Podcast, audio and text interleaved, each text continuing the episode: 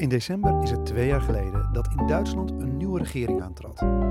Op 8 december 2021 werd Olaf Scholz tot bondskanselier gekozen. Tijdens de themamiddag De Staten van Duitsland ging het Duitsland Instituut in gesprek met deskundigen over de eerste twee jaar van Scholz' stoplichtcoalitie. In deze aflevering hoort u DIA-directeur Tom Nijhuis de middag openen met een korte lezing over Scholz' Zeitenwende. Bondskanselier Olaf Scholz. Hij staat niet bekend als de meest begnadigde redenaar die een publiek in vervoering kan brengen. Hij is bovendien zuinig met zijn woorden en die dan ook nog weer eens voor velelei uitleg vatbaar zijn. Scholz presenteert zich liever als een moderator, een manager. Met een minzaam glimlachje laat hij zien dat hij in controle is. Geen groot moderator, maar toch het woord Zeitenwende dat hij gebruikte in zijn beroemde reden drie dagen na de Russische aanvalsoorlog in Oekraïne werd prompt uitgeroepen tot het woord van 2022. Scholz had de dramatiek van de tijdgeest goed ingeschat. Normaal gesproken heeft nieuws een hele korte halfwaardetijd en zou je verwachten dat het begin als Zeitenwende weer net zo snel uit het vocabulaire zou verdwijnen als het was opgekomen. Nu, bijna twee jaar later, heeft het begrip nog niets van zijn actualiteit en zeggingskracht ingeboet. Dat zelfs het Duitsland-instituut zijn staat aan Duitsland aan Zeitwende wijdt, spreekt toch boekdelen. Het geeft aan dat de politieke crisis nog op geen enkele manier zijn gedoofd of genormaliseerd. Eerder is het gevoel ontstaan dat de verhoudingen in de wereld nog slechter zijn geworden, nog dreigender. En het begrip Zeitenwende, dat is belangrijk, heeft niet alleen meer betrekking op de veranderende geopolitieke verhoudingen, de manier waarop Olaf Scholz het oorspronkelijk gebruikte, maar is ondertussen uitgegroeid tot een begrip dat staat voor een algehele maatschappelijke omslag die ons te wachten staat en waar we deels al in zitten. Zeitenwende laat zich niet eenvoudig in het Nederlands vertalen, maar staat voor zoiets als keerpunt, césuur. De oude wereld is ten einde, maar de nieuwe is nog niet geboren. En juist deze onbepaalde tussensfeer met een onbekende toekomst zorgt voor grote onzekerheid en zelfs angst. Voor een land als Duitsland, dat zo gericht is op zekerheid en voorspelbaarheid, is dit wel een hele heikele en zelfs verontrustende schemertoestand. De bekende Duitse politicoloog Karl Rudolf Korte karakteriseert de Duitse kiezer als door en door sicherheidsconservatief. En ons eigen Geert Hofstede kenmerkt de Duitse cultuur als een onzekerheidsvermijdende cultuur. Keine experimenten was al de belofte van Konrad Adenauer. En bovendien kwam dit Zeitenwende voor Duitsland juist als een grote schok. Het land had met bondskanselier Angela Merkel 16 succesvolle jaren achter de rug. Mutti Merkel stond voor stabiliteit. Er was na haar aangekondigde vertrek dan ook überhaupt geen sprake van een ombroekstimmung zoals je die mogelijk zou verwachten. De verkiezingsstrijd had veel weg van een televisieshow met de titel Wie is de beste imitatie van Angela Merkel? Het was wel een breed besef dat er sprake is van veel achterstallig onderhoud en dat het zo niet verder kan. Maar Scholz beloofde toch dat de noodzakelijke modernisering niet ten koste zou gaan van werkgelegenheid en welvaart. Maar dat was allemaal nog voor de Russische aanvalsoorlog. Voor de Bondsrepubliek was de impact van de Russische overval groot. Wel beschouwd werd door de inval duidelijk dat de vier pijlers van het Duitse succesmodel, dat tot welvaart en stabiliteit had geleid, aan draagkracht hadden verloren.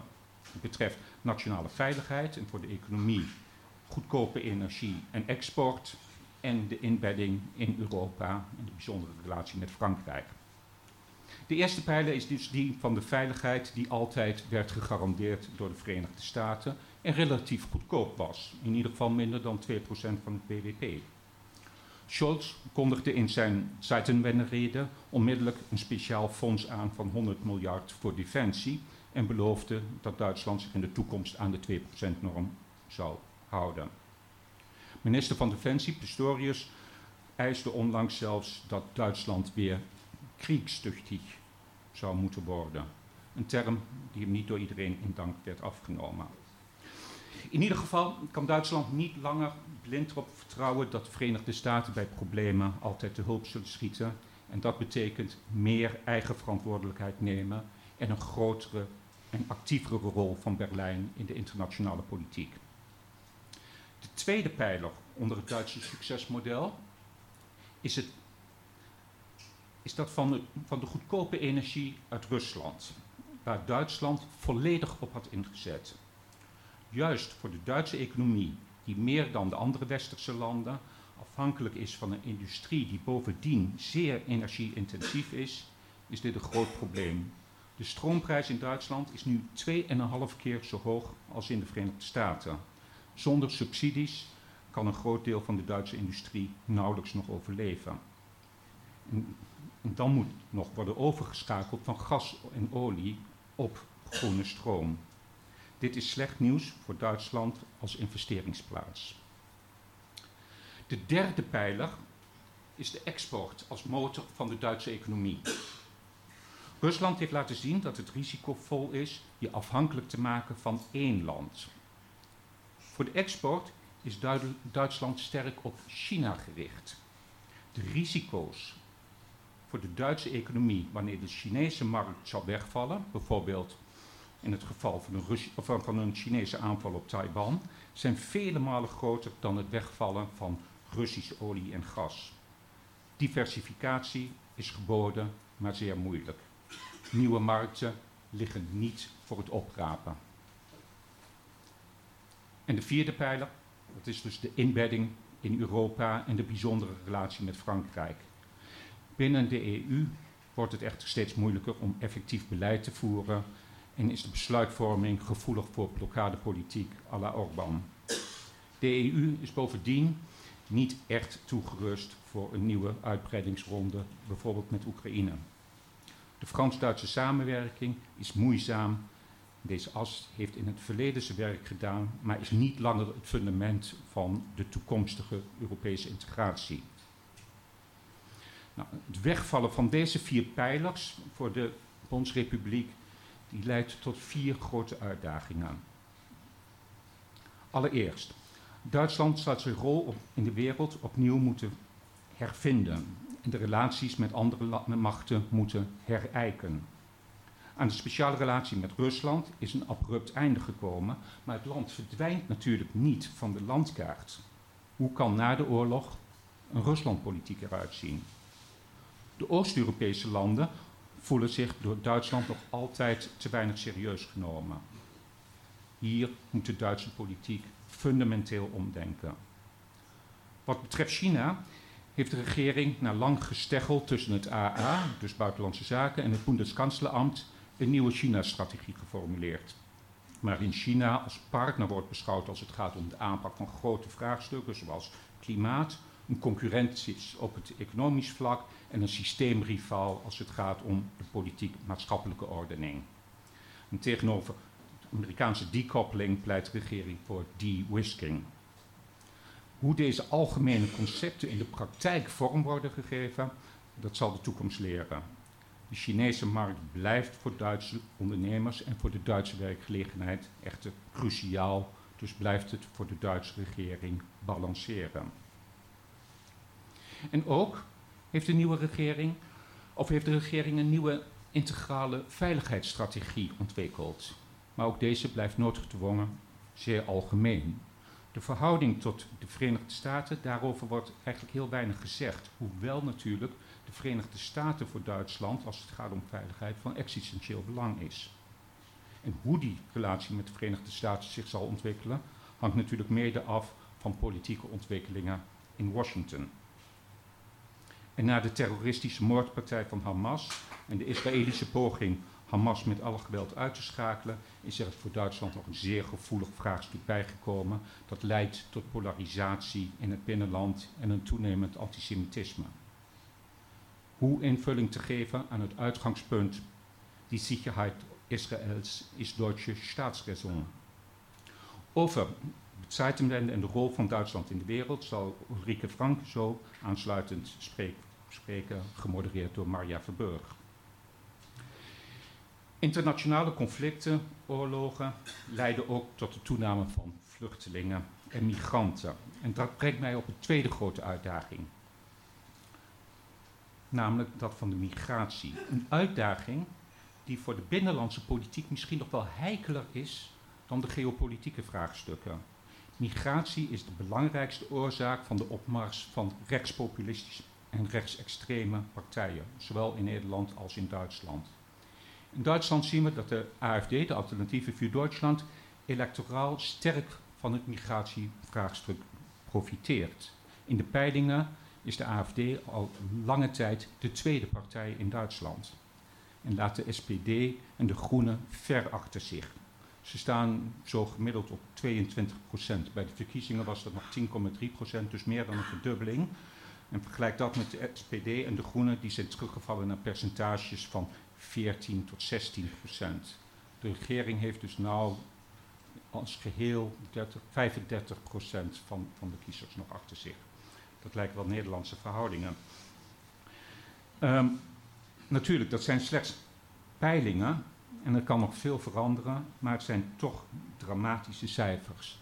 En het is dus geen wonder dat de regering Scholz nou zo sterk inzet op het terugdringen van migratie door de grenzen met uh, Polen en dergelijke te gaan controleren om op die manier te proberen de instroom te verkleinen. Maar we weten eigenlijk al migratie en reguliere of irreguliere migratie slechts op Europees niveau worden aangepakt, maar daar vindt Duitsland weinig steun. Nou, hoe een effectieve migratiepolitiek eruit zou kunnen zien, hierover gaan Gerald Knaus vanmiddag in gesprek met Hanko Jurgens. Dat de sociale cohesie, de gesellschaftliche Zusammenhalt, door maatschappelijke en politieke polarisatie, onder meer door migratie, onder druk is komen te staan, dat is een algemeen probleem in Europa.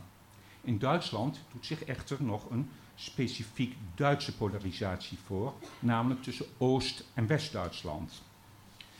Jetzt wächst zusammen, was zusammengehört. Dat was de wens en voorspelling na de val van de muur. Maar meer dan 30 jaar later is er nog steeds sprake van een gevoel onder Oost-Duitse burgers dat ze te weinig worden gehoord en worden achtergesteld bij West-Duitsers. De wederzijdse perceptie blijft steken in oude stereotypen. Hierover gaan Susanne Altman en Dirk Osman met elkaar in gesprek, gemodereerd door Anna Seidel. De eerste regering Scholz, of de regering Scholz, ja, er worden, wordt om verkiezingen geroepen, maar dan hopen ze natuurlijk dat de CDU wint, anders zouden we een tweede krijgen. Uh, de, regering Scholz trad aan met ambitieuze doelstellingen wat betreft energiewende en energie- of klimaatneutraliteit. Ruslands oorlog tegen Oekraïne heeft energiewende enerzijds nog urgenter gemaakt, noodzakelijk gemaakt, maar anderzijds ook veel problematischer. En er komt nog bij dat nu het Bundesverfassungsgericht een lelijke streep door de rekening haalde voor de manier waarop de regering bijvoorbeeld het Klimaat- en Transformatiefonds wilde financieren. Tegelijkertijd heeft het Oberverwaltungsgericht Berlin-Brandenburg geoordeeld dat de regering direct met een sofortprogramma moet komen om emissies op korte termijn uh, te doen dalen. Hiertegen kan men nog in beroep gaan, maar het is duidelijk dat de regering in een lastig pakket zit. De uitspraak van het Bundesverfassungsgericht heeft ook consequenties voor de EU. Door financiële beperkingen zal de Bondsrepubliek nog minder willig zijn om in te stemmen met collectieve schulden voor Europese fondsen, ook als het gaat om investeringen om te komen tot een klimaatneutrale economie. Over die groene politiek spreekt Sarah Heinrich, gemodereerd door Mario da Daniels. Nou, dat zijn vier probleemvelden die in goede tijden al nauwelijks op te lossen zijn. Maar ook dat is, laatste is de regering Scholz niet gegund. De eerste twee jaar met COVID en Oekraïne. En nu brokkelt de internationale steun voor Oekraïne ook nog eens af, mede door de blokkadepolitiek in het Amerikaanse congres. En is de oorlog in Gaza erbij gekomen. Ehm, een probleem dat ons nog lang zal bezighouden. En ondertussen is de EU ook niet langer slag, slagvaardig en is de Duitse regering zelf ook tot een volledige stilstand gekomen. De zeer uiteenlopende programma's en wensen van regeringspartijen in Duitsland konden de eerste twee jaar nog met veel geld worden afgekocht. Doordat men met een beroep op COVID en Oekraïne de Schuldenbremse buiten werking kon stellen. Nu het Bundesverfassungsgericht het, het herlabelen en doorschuiven van niet gebruikte middelen um, heeft, heeft verboden, um, zit de regering voor 2024 met een, met een groot tekort van in ieder geval minimaal 17 miljard euro. Dat betekent dat er bezuinigd zou moeten worden, iets wat SPD en, en, en de Groenen niet willen, of dat de, ja, de belastingen verhoogd zouden moeten worden, iets wat, wat, wat de FDP niet wil. En dat leidt dus tot een padsituatie. Gisteren heeft de regering uh, bekendgemaakt dat ze er niet in geslaagd zijn een definitief budget voor 2024 vast te stellen. Wat betekent dat er een soort voorlopig noodbudget is waarmee de lopende zaken kunnen worden gefinancierd. Uh, maar dat is wel een, een second best oplossing. En je zou denken dat, het, uh, dat, dat, dat Scholz als bondskanselier in, in zo'n tijd van, van onzekerheid en stagnatie dan het voortouw zou nemen. Maar hij heeft zich in de hele periode nog niet uitgesproken tot zagrijn van zijn eigen SPD, die toevallig dit weekend bij elkaar komt. En Scholz zal morgen zijn grote reden houden. En ehm, de algemene verwachting is toch dat hij niks zal gaan zeggen. Ehm, hij doet zijn naam eer aan, eh, of zijn bijnaam uh, Oester. Uh, ja, de oppositie die roept dan om, om nieuwe verkiezingen. Uh, maar daar hebben de drie regeringspartijen natuurlijk gegeven die dramatisch slechte cijfers uh, helemaal in de peilingen helemaal geen zin in. Daarom moeten wij ons eigenlijk voorbereiden op een lange periode van, van doorworstelen, van ellenlange debatten, in het beste geval gevolgd door hele kleine stapjes. En dat laatste past dan eigenlijk wel weer in, in het Duitse politieke systeem, dat gekenmerkt wordt door incrementeel beleid. Kortom, Zeitenwende in slow motion. Laat me nog een laatste punt maken. Het gaat bij Zeitenwende om veel meer dan alleen een kruispunt waar een, waar een andere weg kan worden ingeslagen. Want in dat beeld blijft het land hetzelfde. Het land slaat alleen een andere weg in. Maar wel beschouwd zal Duitsland zelf qua zelfbeeld, identiteit, politieke cultuur zelf sterk veranderen. En precies daarin zit eigenlijk het Zeitenwende. Veel van waar Duitsland in zijn zelfbeschrijving en zijn identiteit voor staat, is achterhaald. Het redelijk pacifistische zelfbeeld van de vriendelijke soft power reus met een afkeer van hard power en militair geweld staat op gespannen voet de verantwoordelijkheid en de nieuwe rol die het land in internationale politiek zal moeten spelen. Omschakeling is niet eenvoudig. Denk alleen al aan het eerste jaar met de hulp aan de militaire hulp aan Oekraïne. Of nou de discussies over het woordje kriegstüchtig. Economisch gezien zijn Wirtschaftswunder en exportweltmeister uh, bepalend geweest voor de Duitse nationale identiteit en bron van nationale trots. De economische trots vormde een substituut voor het door de oorlog gediscrediteerde nationalisme. Maar nu zijn ook deze concepten achterhaald. Wat doet dit voor het zelfbegrip van de natie? En Europa was natuurlijk altijd de ersatznation van Duitsland, maar kan deze functie niet meer vervullen. Maar een terugkeer naar een eng nationalisme is ook niet wenselijk, ook al zou de AFD dat graag willen. En in een multicultureel Duitsland is er natuurlijk altijd een debat over de vraag wat eigenlijk Duits is. Duitsland is in de geschiedenis altijd een natie geweest op zoek naar zichzelf. Even dacht men na de eenwording zijn plek eindelijk te hebben gevonden. Maar in de Zeitenwende begint de zoektocht opnieuw. Een ombouw met grote consequenties voor de EU en het Europese continent. En de dia zal zoals altijd Duitse ontwikkelingen op de voet volgen en hier informatie voor een Nederlands publiek toegankelijk maken met berichtgeving, analyses, lezingen en conferenties, zodat u altijd optimaal geïnformeerd bent.